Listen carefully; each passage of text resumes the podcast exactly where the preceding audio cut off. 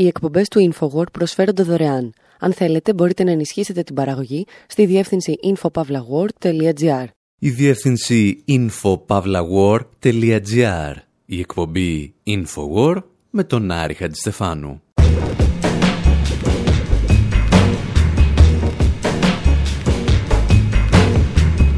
Όπου σήμερα βγαίνουμε στον ήλιο περιμένοντας την καθαρή έξοδο και αναρωτιόμαστε μήπως θα ήταν καλύτερα να περιμένουμε τον κοντό του Μπέκετ. Σκεφτόμαστε ότι εάν όλες οι ρυθμίσεις μιας κατάστασης έκτακτης ανάγκης έχουν γίνει νόμοι του κράτους, μήπως είναι ελαφρώς κοροϊδία να μιλάς για καθαρή έξοδο; Συζητάμε δηλαδή για την κατάσταση έκτακτης ανάγκης που είχε επιβληθεί στη Γαλλία μετά τις τρομοκρατικές επιθέσεις του 2015. Και ύστερα αλλάζουμε εντελώς θέμα. Ξεφυλίζουμε το βιβλίο 665 ημέρες και μία ζωή metal από τις εκδόσεις Καψιμή για τη heavy metal μουσική και συνειδητοποιούμε ότι έχουμε πολλά να μάθουμε. Ακούμε ιστορίες για συγκροτήματα που δεν είναι metal, για συγκροτήματα που έχουν μερικούς φασίστες, αλλά ευτυχώς και για κάποια άλλα που έχουν και μερικούς κομμουνιστές. Θα ξεκινήσουμε όμως με ολίγη hip-hop από το Παρίσι.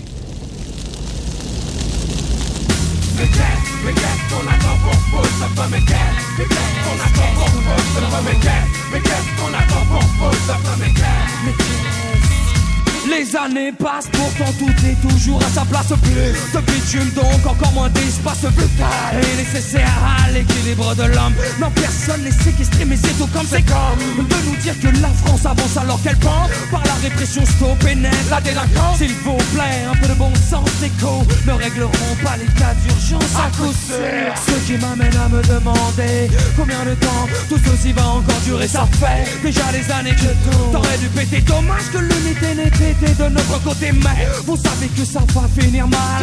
La guerre des mondes, vous l'avez voulu, la voilà. Mais qu'est-ce, mais qu'est-ce qu'on attend pour Mais qu'est-ce qu'on attend pour ne plus suivre les règles du jeu Mais qu'est-ce, mais qu'est-ce qu'on attend pour Mais qu'est-ce, mais qu'est-ce qu'on attend pour Mais qu'est-ce, mais qu'est-ce qu'on attend pour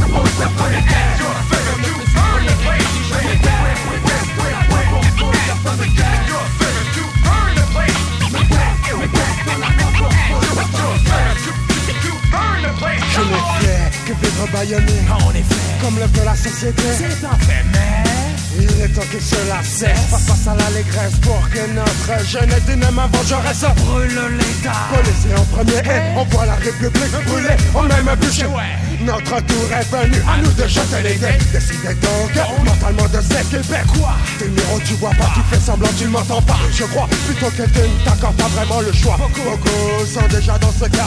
Voilà. Pourquoi cela finira dans le désarroi. Oh, désarroi, déjà Le roi. monde rira en élection Oh, désarroi, déjà roi. vous subirez la même pente, l'agonie lente, c'est pourquoi j'en attends trop. Putain de politiques incompétentes, ce qui a diminué la France.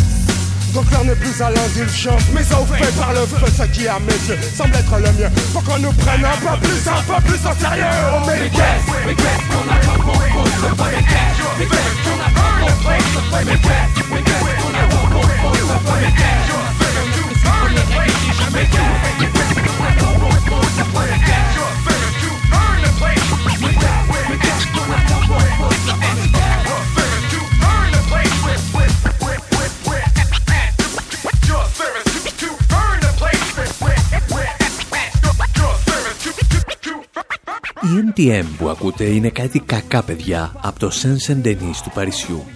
Άλλοτε προπύργιο του Κομμουνιστικού Κόμματος ήταν η περιοχή όπου ξέσπασαν οι ταραχές του 2005. Τότε που η αστυνομία δολοφόνησε δύο νεαρούς επιβεβαιώνοντας όσα έλεγε ο Ματιέ Κασοβίτς μια δεκαετία νωρίτερα στην ταινία του «Το μίσος». Son nom repère, son nom modèle. Το NTM βγαίνει από τα αρχικά Νικταμέρ, που δεν θέλουμε να σας μεταφράσουμε και δεν έχει και ιδιαίτερη σημασία. Σημασία έχει ότι αυτά τα παιδιά έχουν ξεπαραδιαστεί να πληρώνουν πρόστιμα και να μπαινοβγαίνουν στη φυλακή για τους στίχους των τραγουδιών. Στο συγκεκριμένο τραγούδι μας προτείνουν να βάλουμε φωτιά στην αστυνομία και να ρίξουμε στην ίδια πυρά το κράτος και το μέγαρο των Ελυσίων. Εμείς πάλι κρατήσαμε το συγκεκριμένο τραγούδι για εκείνο το στιχάκι που λέει πόσο θα κρατήσει η κατάσταση έκτακτης ανάγκης. Γιατί αυτό ακριβώς το ερώτημα μας απασχόλησε την τελευταία φορά που επισκεφθήκαμε το Παρίσι. Βράδυ Παρασκευή στο κέντρο του Παρισιού. Κλείνουμε με μία μπύρα, μία ακόμη ημέρα γυρισμάτων για το ντοκιμαντέρ Make the Economy Scream. Μέχρι τη στιγμή που περνά δίπλα μας ένα περίπολο. Τέσσερις πάνω Γάλλοι στρατιώτες με εξοπλισμό που θα αρκούσε για να εξοντώσουν ένα τάγμα Ταλιμπάν στο Αφγανιστάν περπατούν ανάμεσα σε ανθρώπους που έχουν βγει να πιούν το ποτό τους. Και το πρόβλημα είναι ότι κανένας δεν τους δίνει σημασία. Θεωρούνται πλέον αναπόσπαστο κομμάτι της καθημερινότητας σε μια πόλη που σχεδόν δύο χρόνια νωρίτερα γινόταν πρώτο θέμα με τον πιο φρικτό τρόπο σε όλα τα δελτία ειδήσεων.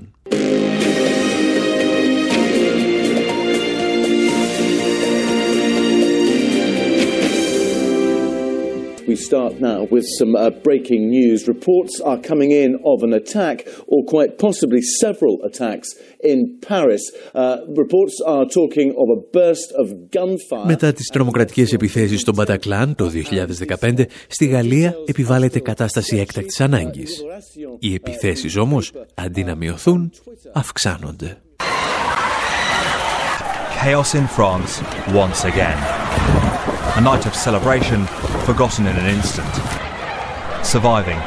Το γαλλικό κράτος είχε πλέον ένα νέο εχθρό να αντιμετωπίσει στο εσωτερικό του. Δεν ήταν ούτε οι φοιτητές του Μάη του 68, ούτε οι εργαζόμενοι της δεκαετίας του 90, αλλά ούτε και οι ανέγγιχτοι των παρισινών προαστίων. Ήταν η Ισλαμική τρομοκρατία. Το ερώτημα όμως είναι, προσπάθησε το γαλλικό κράτος να αντιμετωπίσει τη νέα απειλή ή μήπως στράφηκε και πάλι προς τους συνήθεις υπόπτους; Σύμφωνα με έκθεση της Διεθνούς Αμνηστίας, από τον Νοέμβριο του 2015 μέχρι τον Μάιο του 2017, η αστυνομία χρησιμοποίησε τις ρυθμίσεις της έκτακτης ανάγκης για να απαγορεύσει 155 δημόσιες συγκεντρώσεις, οι οποίες φυσικά δεν είχαν καμία σχέση με την τρομοκρατία. Οι περισσότερες αφορούσαν τα εργασιακά δικαιώματα. Για να καταλάβω τι ακριβώς είχε συμβεί, σκέφτηκα να ζητήσω τη βοήθεια της Ντομινίκ Κιουρί, επικεφαλής του Τμήματος Ανθρωπίνων Δικαιωμάτων της Διεθνούς Αμνηστίας στο Παρίσι. L'état d'urgence qui a été instauré en France euh, après les, les attentats de novembre 2015 euh, η κατάσταση έκτακτης ανάγκης που επιβλήθηκε στη Γαλλία μετά τις επιθέσεις του Νοεμβρίου του 2015 επέτρεπε στις αρχές να διώκουν πολίτες, να τους επιβάλλουν κατοίκον περιορισμό, ακόμη και το κλείσιμο χώρων πολιτισμού. Αυτό που ερευνήσαμε δεν ήταν τα μέτρα καθ' αυτά, αλλά οι εγγυήσεις για την εφαρμογή τους. Ήταν μέτρα που λαμβάνονταν με υπουργική απόφαση, χωρίς να ελέγχεται το γιατί και το πώς, ποια ήταν η ανάγκη και ποια η αναλογικότητά τους. Ήταν μέτρα τα οποία λαμβάνονταν από την εκτελεστική εξουσία σε βάρος της δικαστικής και χωρίς κανέναν ανεξάρτητο έλεγχο. Άνθρωποι διώκονταν μέσα στη νύχτα με αόριστες κατηγορίες. Μπορούσαν να συλλάβουν κάποιον λέγοντας ότι αποτελούσε απειλή για την εθνική ασφάλεια χωρίς να στηρίζονται σε κάποια νομοθεσία. Ήταν επικίνδυνο και δυστυχώς οι ανησυχίες μας επιβεβαιώθηκαν. C'était dangereux et nos craintes se sont confirmées malheureusement. Σκηνές που καταγράφει η έκθεση της Διεθνούς Αμνηστίας θυμίζουν έφοδο Αμερικανικών δυνάμεων σε σπίτια στη Βαγδάτη. Αστυνομικοί, μες στη μέση της νύχτας, έσπαγαν τις πόρτες σπιτιών και έσερναν έξω τους ενίκους με κατηγορίες που κανένας δεν γνώριζε. Η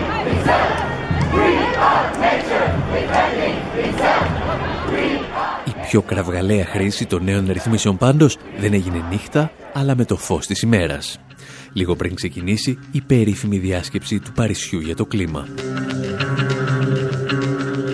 Η συμμετοχή σε συγκεντρώσεις διαμαρτυρίας απαγορεύτηκε ολοκληρωτικά και όσοι παρενέβαιναν τον νόμο θα μπορούσαν να περάσουν ένα χρόνο στη φυλακή. Τα εξηγούσε τότε ένας αυτόπτης μάρτυρας με βίντεο που ανέβαζε στο YouTube. We are already seeing hundreds of riot police Βλέπουμε ήδη εκατοντάδες μέλη των ειδικών δυνάμεων της αστυνομίας να αναπτύσσονται σε ολόκληρο το Παρίσι. Το κράτος έχει απαγορεύσει αυτές τις συγκεντρώσεις και όποιος συλληφθεί να διαδηλώνει απειλείται με ένα χρόνο φυλάκισης.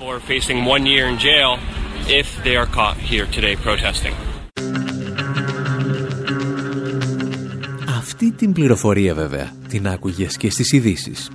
Η Ντομινίκ Κιουρί όμως είχε και άλλες ιστορίες να μας διηγηθεί. Avant le rassemblement de la COP21 qui devait avoir lieu début décembre 2015, euh, πριν από τη διεξαγωγή της διάσκεψης για το κλίμα στο Παρίσι, ακτιβιστές και μέλη κοινωνικών κινημάτων δέχτηκαν επισκέψεις από την αστυνομία. Τους επιβλήθηκε κατοίκον περιορισμός, σύμφωνα με τον οποίο τους απαγορεύτηκε να βγαίνουν από το σπίτι τους από τις 8 το βράδυ μέχρι το επόμενο πρωί. Πρόκειται για ιδιαίτερα σκληρές απαγορεύσεις. Έπρεπε να παρουσιάζονται στο αστυνομικό τμήμα της περιοχής τους τρεις φορές την ημέρα. Τους απαγορεύτηκε να κυκλοφορούν έξω από τη γειτονιά τους. Και όλα αυτά με βάση πληροφορίες των μυστικών υπηρεσιών ότι θα μπορούσαν να σκεφτούν να συμμετάσχουν σε διαδηλώσεις.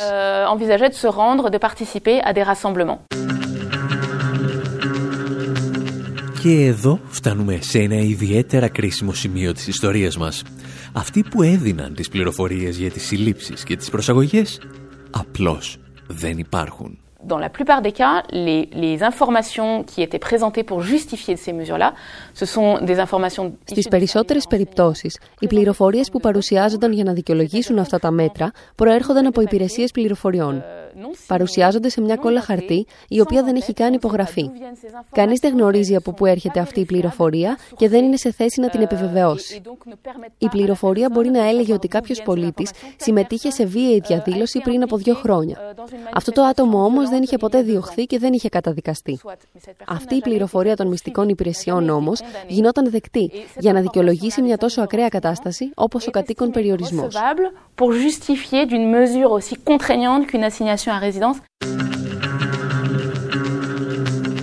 Και αν όλα αυτά σας ακούγονται ελαφρώς μεσαιωνικά, να ξέρετε ότι είναι. Όπως έχουμε ξαναπεί μάλιστα η λέξη curfew που χρησιμοποιούν σήμερα οι Εγγλοσάξονες για την απαγόρευση κυκλοφορίας προέρχεται από τις γαλλικές λέξεις couvre που σημαίνει κάλυψε τη φωτιά. Μια ιστορία που αν δεν βαριέστε θα σας θυμίσουμε με αυτό εδώ το τραγουδάκι.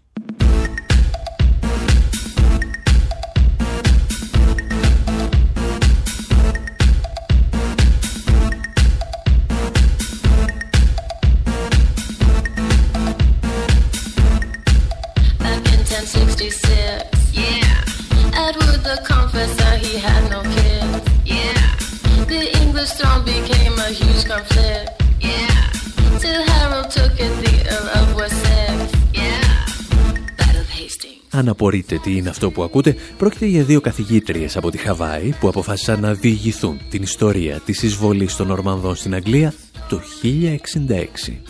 Και αν σας θυμίζει κάτι και η μουσική, είναι γιατί πατάει πάνω στο Sexy Back του Justin Timberlake. Η ιστορία που μας διηγούνται αφορά τον περίφημο Γουλιέλμο τον κατακτητή, τον πρώτο Ορμανδό βασιλιά της Αγγλίας. Αυτό τουλάχιστον γράφουν τα σχολικά βιβλία γιατί στην πιάτσα των ιστορικών τον φωνάζουν Γουλιέλμο τον Μπάσταρδο. Ένεκα που ήταν γιος του Ρόμπερτ του Πρώτου, δούκα της Νορμανδίας και κάποια Σαρλέτας, για την οποία δεν μπορούμε να σας πούμε περισσότερα από το ραδιόφωνο. Αυτό που μας ενδιαφέρει από όλη την ιστορία είναι ότι ο Γουλιέλμος ο Μπάσταρδος δύο χρόνια μετά την ανάληψη του θρόνου επέβαλε δια νόμου σε όλους τους υπηκόους του να σβήνουν τα φώτα και κάθε φωτιά στις 8 το βράδυ. Για να τους ενημερώνει μάλιστα δημιούργησε τις περίφημες curfew bells, ειδικές καμπάνες που ενημέρωναν τους πολίτες για την ώρα του σβησίματος. Γι' αυτό, αν προσέξετε, σε ορισμένα λεξικά το curfew μεταφράζεται στα ελληνικά και ως εσπερινή κοδονοκρουσία. Τώρα, αν διαβάσετε και πάλι τα σχολικά βιβλία της Βρετανίας και της Γαλλίας, θα μάθετε ότι η απόφαση του Γουλιέλμου ήταν η πρώτη νομοθετική πράξη πυρασφάλειας. Στην πραγματικότητα, ο βασιλιάς εξασφάλιζε ότι δεν θα κυκλοφορεί κανένας στους δρόμους στις νυχτερινές ώρες και έτσι θα μπορεί να ελέγχει τυχόν εξεγέρσεις. Ένας μπάσταρδος ηγέτης λοιπόν αποφασίζει να απαγορεύσει την κυκλοφορία των πολιτών για να σώσει το καθεστώς του. Και σχεδόν μια χιλιετία αργότερα, επίγονοι του μπάσταρδου αντιγράφουν το παράδειγμά του.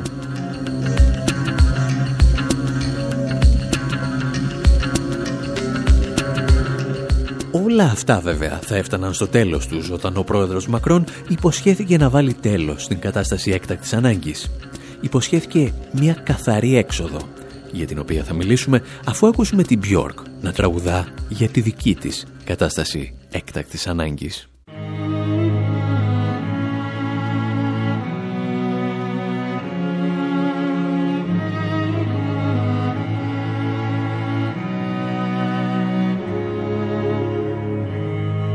these accidents that happen follow the dot.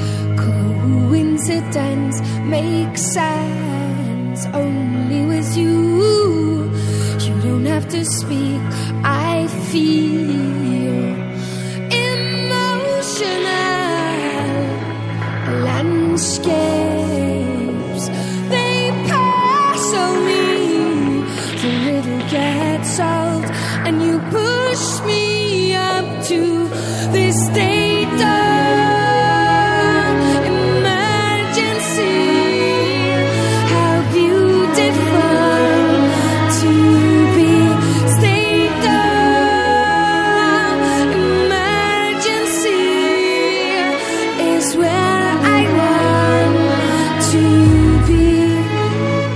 Λόγους που δεν πολύ καταλαβαίνουμε, η Bjork μας εξηγεί πόσο όμορφα είναι να βρίσκεσαι σε κατάσταση έκτακτης ανάγκης. Και όπως φαίνεται, την ίδια ακριβώς αντίληψη είχε και το πολιτικό και οικονομικό κατεστημένο της Γαλλίας. Inside of me, every nerve. Ο Μακρόν υποσχόταν καθαρή έξοδο από την κατάσταση έκτακτης ανάγκης και μπορούσε να το κάνει γιατί οι ειδικές ρυθμίσεις είχαν γίνει πλέον νόμοι του κράτους. Μας τα εξηγούσε και πάλι η Ντομινικ Κιουρί από τη Διεθνή Αμνηστία Γαλλίας.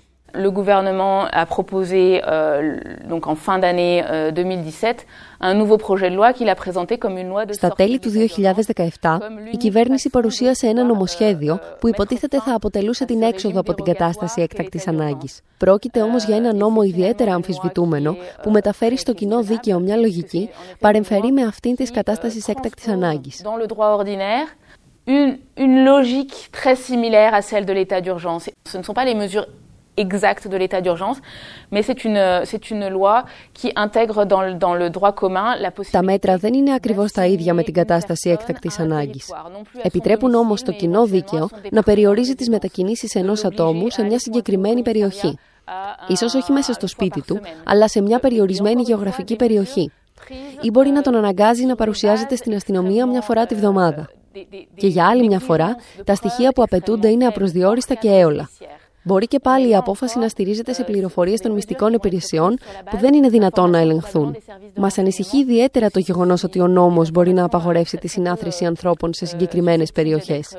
Δημιουργεί περιμέτρου μέσα στις οποίες περιορίζεται η ελευθερία κίνησης των πολιτών. Και όλα αυτά μπορούν και πάλι να γίνουν με εντολή της εκτελεστικής εξουσίας. Et tout ceci, encore une fois, sur l'ordre de l'exécutif. Ο στόχος λοιπόν επετεύχθη. Ο Μακρόν κήρυξε τη λήξη της κατάστασης έκτακτης ανάγκης και οι αστυνομικές αρχές, καθώς και οι μυστικές υπηρεσίες, συνέχισαν το πάρτι τους. Όλα ήταν πλέον νόμος του κράτους, γιατί ως γνωστόν ουδέν μονιμότερο μιας κατάστασης έκτακτης ανάγκης. Το πρόβλημα ήταν ότι οι νέες ρυθμίσεις αποτελούσαν μια μαχαιριά στην καρδιά του γαλλικού κράτους δικαίου αλλά και ολόκληρης της Ευρώπης. Je pense qu'on est dans un, dans un, un moment assez critique de l'état de droit euh, en France. Je pense que c'est une tendance. Ζούμε μια περίοδο ιδιαίτερα κρίσιμη για το κράτος δικαίου στη Γαλλία. Είναι μια τάση που δεν είναι καινούρια, αλλά γίνεται πιο εμφανής στα τελευταία δύο χρόνια. Πλέον αμφισβητείται ακόμη και το τεκμήριο της αθωότητας. Το δικαίωμα να γνωρίζω γιατί διώκομαι, τι είναι νόμιμο και τι είναι παράνομο, τι πρέπει να κάνω για να μην καταδικαστώ και με ποια κατηγορία και ποιες αποδείξεις. Όλα αυτά τίθενται υπό αμφισβήτηση στο δημόσιο διάλογο και στην πολιτική συζήτηση. Πώς μπορούμε να λέμε ότι υπερασπιζόμαστε το κράτος δικαίου όταν αμφισβητούνται τόσο θεμελιώδη δικαιώματα; On peut prétendre défendre un état de droit si on renonce à ces principes aussi fondamentaux; Εάν λοιπόν ακούσετε και εσείς κάτι για καθαρή έξοδο τις επόμενες εβδομάδες, ρωτήστε πρώτα και τους Γάλλους. Προς το παρόν αρκεί να θυμάστε ότι και αυτή η αποστολή στο Παρίσι εντάσσεται στο πλαίσιο του νέου μας δημοσιογραφικού project με τίτλο Make the Economy Scream. Και αν θέλετε να μάθετε περισσότερα ή να γίνετε συμμέτοχοι σε αυτή την προσπάθεια, μπορείτε να το κάνετε από τις διευθύνσεις maketheeconomyscream.com και φυσικά από το info.pavlawar.gr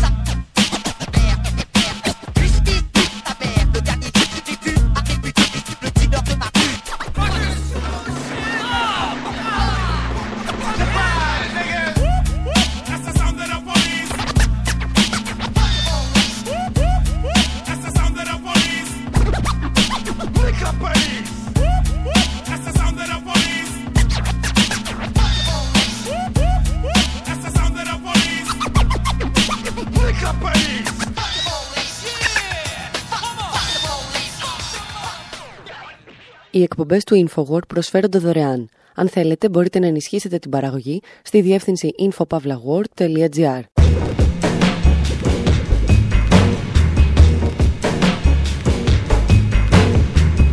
Η εκπομπή InfoWord με τον Άρη Χατζηστεφάνου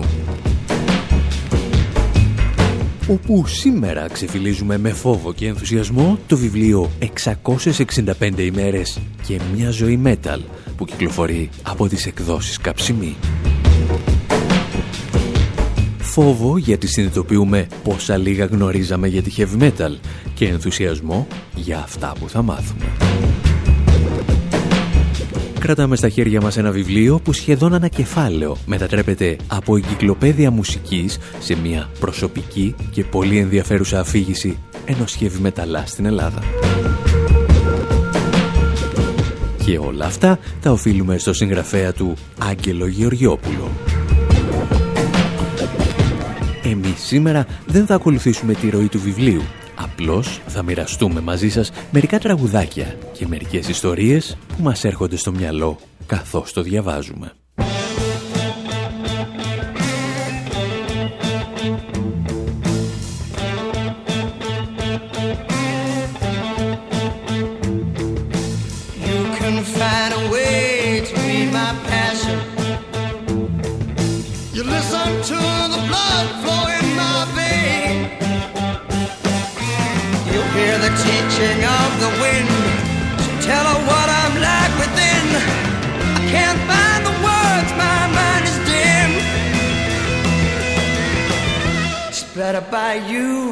Better than me.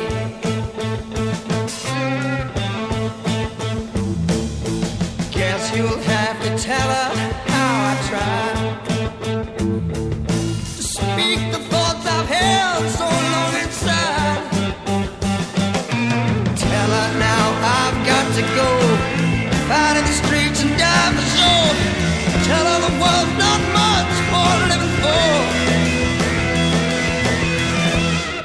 by you, better than me.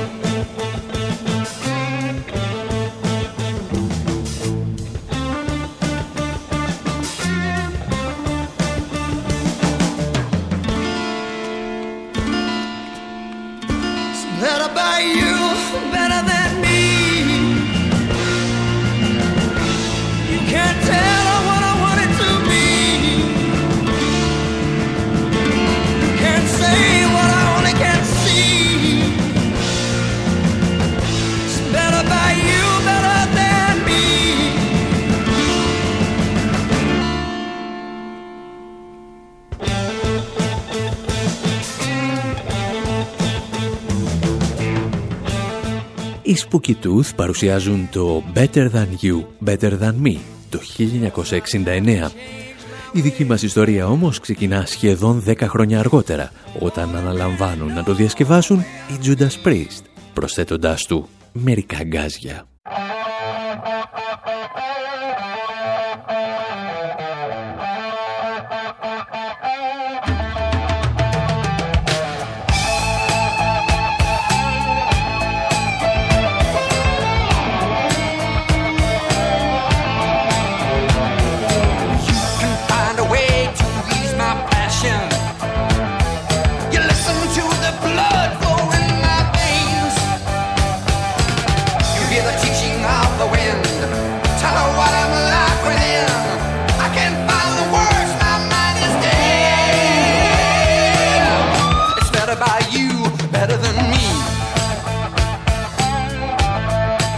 Το πρόβλημα με τη συγκεκριμένη διασκευή είναι ότι δεν επέλεξαν να την κάνουν οι ίδιοι οι Judas Priest.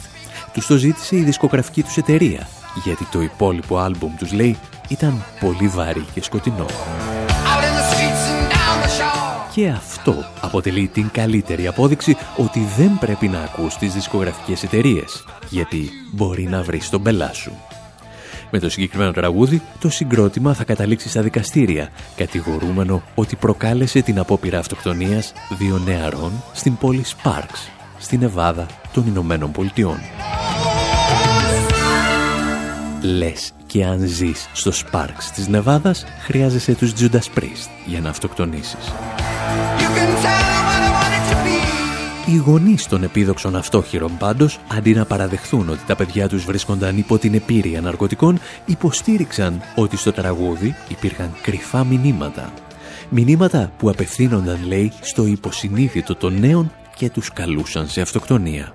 Συγκεκριμένα, τους έλεγαν τις λέξεις «do it», το οποίο το δοκίμασε αργότερα και η Nike χωρίς ιδιαίτερα αποτελέσματα.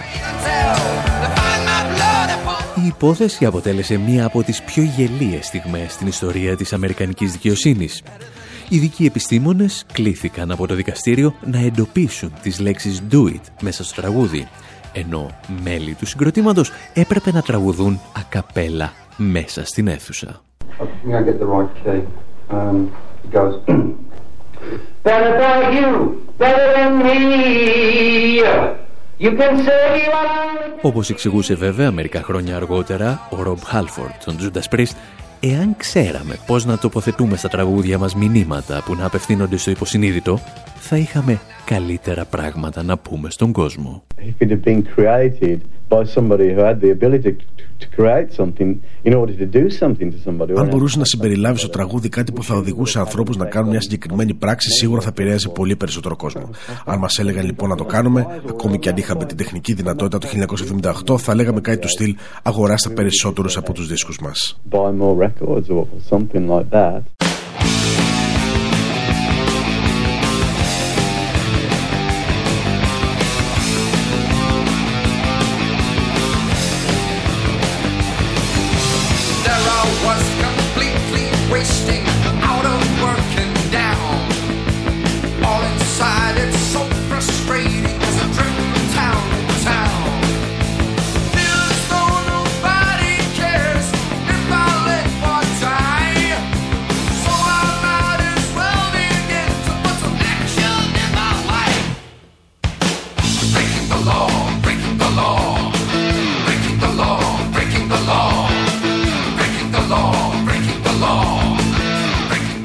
Δικαστήριο τελικά θα αποφανθεί ότι οι Judas Priest δεν παραβίαζαν κανένα νόμο. Η Αμερική όμως είχε βιώσει αυτό που ο Άγγελος Γεωργιόπουλος αποκαλεί στο βιβλίο του «Ηθικό πανικό» απέναντι στη metal σκηνή. Ξεκινώντας από τα γραπτά του Βρετανού καθηγητή κοινωνιολογίας και εγκληματολογίας Stanley Cohen που μελέτησε τις φοβικές αντιδράσεις απέναντι σε ομάδες όπως οι Mods και οι Rockers, το βιβλίο φτάνει γρήγορα και στην metal σκηνή. Στην Ελλάδα διαβάζουμε, τα 80's αποτέλεσαν την κορύφωση του κοινωνικού φοβικού συνδρόμου απέναντι στο metal. Ο μεταλλάς, ανεξαρτήτως φίλου, ήταν περιθωριακός, ναρκωμανής, αλήτης, σατανιστής λόγω προφίλ και μακριών μαλλιών. Στα 90 συνεχίζει, το metal έγινε δημοσιογραφική απειλή ως σατανιστικό. Αντιχριστιανικό μέσω του black, νεκρόφιλο με τον death, μακάβριο, απόκοσμο και καταθλιπτικό με τον gothic. Παρασιτικό με το thrash, απόλυτα αντιφεμενιστικό με το power και να καταλήξει όμοιρος της θηλυπρέπειας, ξαναγυρνώντας στο hair metal των μέσων 80's πάντα σεξιστικό, ανεξαρτήτως εποχής και ιδιώματος. Το βιβλίο 665 ημέρες και μια ζωή metal πάντως δεν είναι σε καμία περίπτωση μια αγιογραφία της metal σκηνής. Με τρομακτικές λεπτομέρειες εντοπίζει και ξεγυμνώνει πραγματικά περιστατικά ρατσισμού, ξενοφοβίας και ομοφοβίας και σε τέτοιες περιπτώσεις ορίζει και τι δεν είναι metal, αλλά κάποιοι προσπαθούν να το παρουσιάσουν σαν metal. Όπως αυτό εδώ το πράγμα.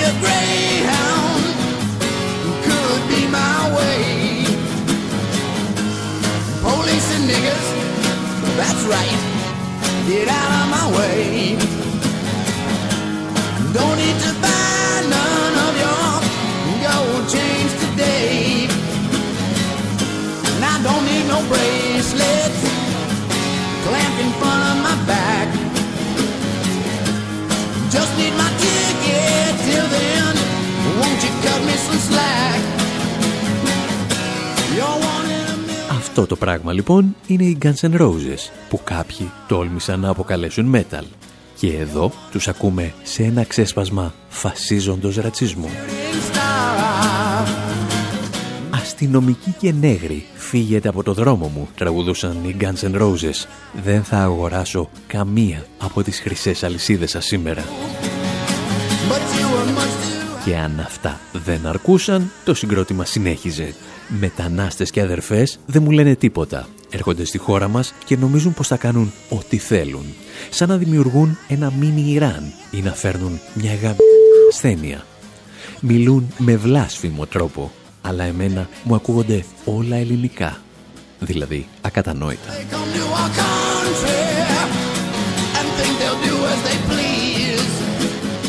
Το γεγονός βέβαια ότι οι Guns N' Roses ήταν ρατσιστές και δεν ήταν metal δεν σημαίνει ότι η metal σκηνή δεν είχε τους δικούς της ρατσιστές ή ακόμη και φασίστες, ναζιστές, σεξιστές, ομοφοβικούς και λοιπά σκουλίκια.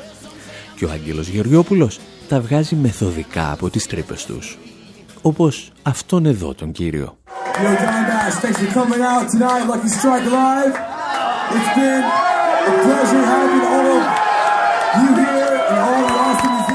Ο Φιλ Ανσέλμο τον Παντέρα τον Ιανουάριο του 2016 στο φεστιβάλ Ruins de Members στο Λος Άντζελες αποχαιρετά το κοινό με ναζιστικό χαιρετισμό και ενώ ουρλιάζει White Power και λίγα λεπτά αργότερα σαν γνήσιος φασίστας που τον έπιασαν στα πράσα, κλαψουρίζει, ζητώντας συγγνώμη σε ένα βίντεο στο YouTube.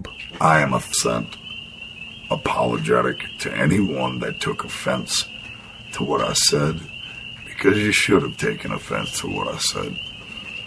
And I am so sorry. Και να σκεφτεί κανείς ότι έδινε τη συναυλία προς τιμήν του κιθαρίστα του συγκροτήματος Dimebag Barrel, ο οποίος είχε δολοφονηθεί την προηγούμενη δεκαετία επί σκηνής και μάλιστα μπροστά στις κάμερες για άγνωστη ακόμη αιτία.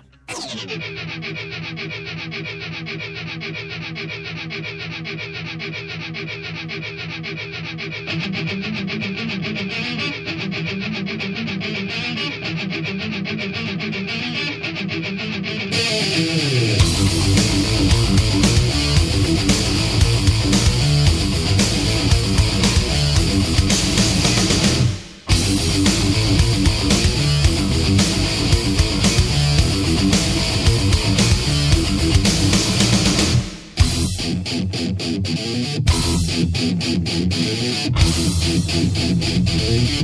you.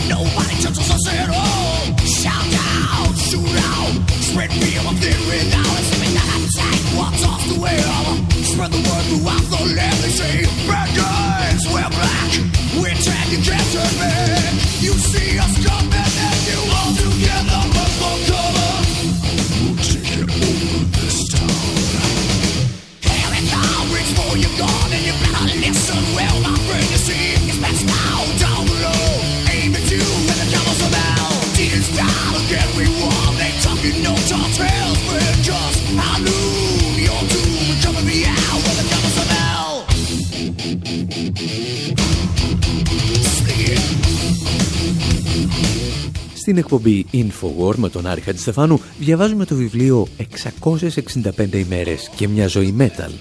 Έχουμε αφήσει τον Άγγελο Γεωργιόπουλο να ξετρυπώνει φασίστες. Με ανάλογη μεθοδικότητα όμως παρουσιάζει και ό,τι βρίσκεται στον αντίποδα αυτών. Και τους βρίσκει σε κάθε γωνιά του πλανήτη. Μαθαίνουμε έτσι για κομμουνιστικά ή αναρχικά συγκροτήματα τους Σακρόνια Ετέρνα από το Περού, τους Ανούμπις από τη Βολιβία, τους Desolated Souls από τη Βενεζουέλα, τους Σίσκρα από τη Βρετανική Κολομβία και τους Brigade από τη Βόρεια Μακεδονία.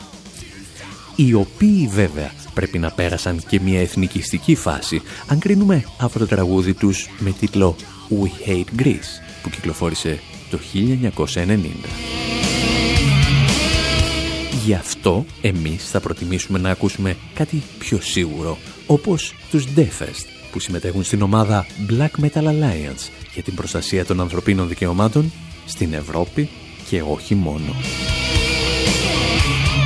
Μη χαλαρώνετε στην αρχή, γιατί δεν ξέρετε τι μπορεί να σας βρει στη συνέχεια.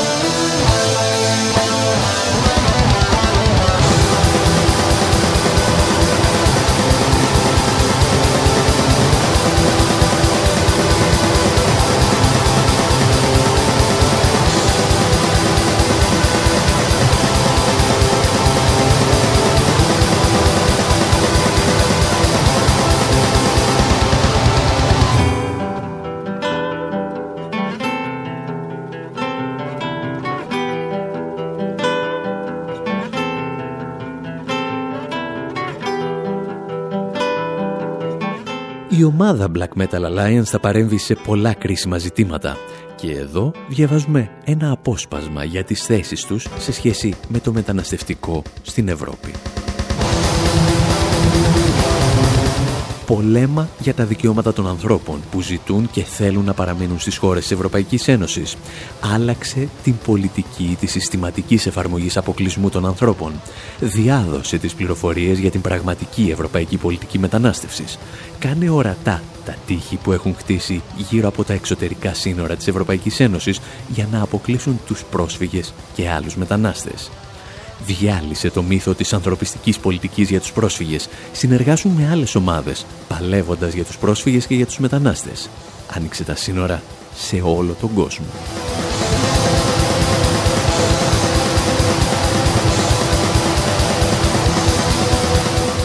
Εμείς πάλι κάπου εδώ θα σας αφήσουμε για να συνεχίσουμε να ξεφυλίζουμε το βιβλίο του Άγγελου Γεωργιόπουλου στα δικά μας να σας θυμίσουμε ότι έχουμε ολοκληρώσει το μεγαλύτερο μέρος των γυρισμάτων για το ντοκιμαντέρ Make the Economy Scream. Βρισκόμαστε όμως μόνο στην αρχή του πολύ μεγαλύτερου δημοσιογραφικού project που χρηματοδοτείται αποκλειστικά από το κοινό. Και αν θέλετε να γίνετε και εσείς συμπαραγωγή και συνένοχοι, μπορείτε να το κάνετε στις διευθύνσεις info.pavlawar.gr και στο maketheeconomyscream.com. Μέχρι πάντως την επόμενη εβδομάδα, από τον Άρη Στεφάνου στο μικρόφωνο, τη Μυρτώ Σιμεωνίδου σε μεταφράσεις και εκφωνήσεις και τον Δημήτρη Σταθόπουλο στην τεχνική επιμέλεια, γεια σας και χαρά σας.